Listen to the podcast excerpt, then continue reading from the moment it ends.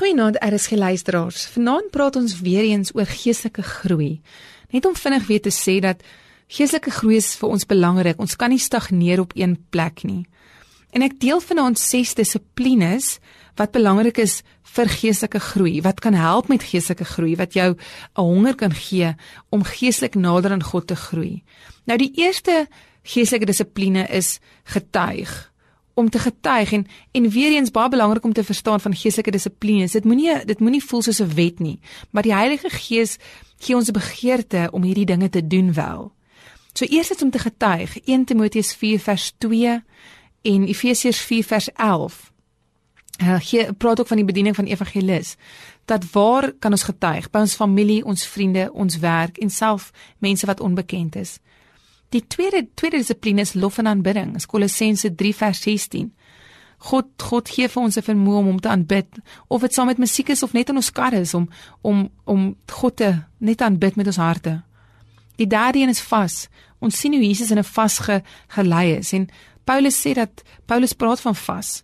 Soms koste vas of of self 'n ander soorte vas.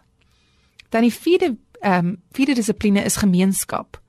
Dat God ons roep saam met mense, dat ons nie alleen moet staan nie, dat dat die kerk dis deel van 'n konstruktiewe dissipline is om deel te word van 'n kerk, van 'n self, van vriende, 'n gemeenskap van gelowiges wat jou kan versterk. Hebreërs 10 vers 25 praat daarvan. Dan die vyfde een is om te gee. Dat God maak ons vrygewig. En en dat ons uit ons harte uit jou kan kan gee, vir mense kan gee, tyd kan gee en ook finansies kan gee. Dan om prakties dan dit uit te leef deur te dien. Dan die 6ste een is is juist dit, is God roep ons vir diens.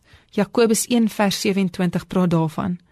Dit sê dat dit wat jy het, jy het, jy het 'n talent, jy het 'n gawe, jy het jy is dalk net wie jy is, maar bring jouself en sê Here, waar kan ek dien?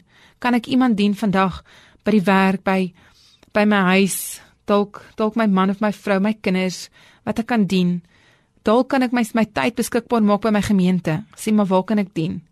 En dis deel van ehm, 'n um, konstruktiewe dissipline, 'n geestelike dissipline wat ons het in ons lewe en hierdie dinge aktiveer geestelike groei in ons lewe.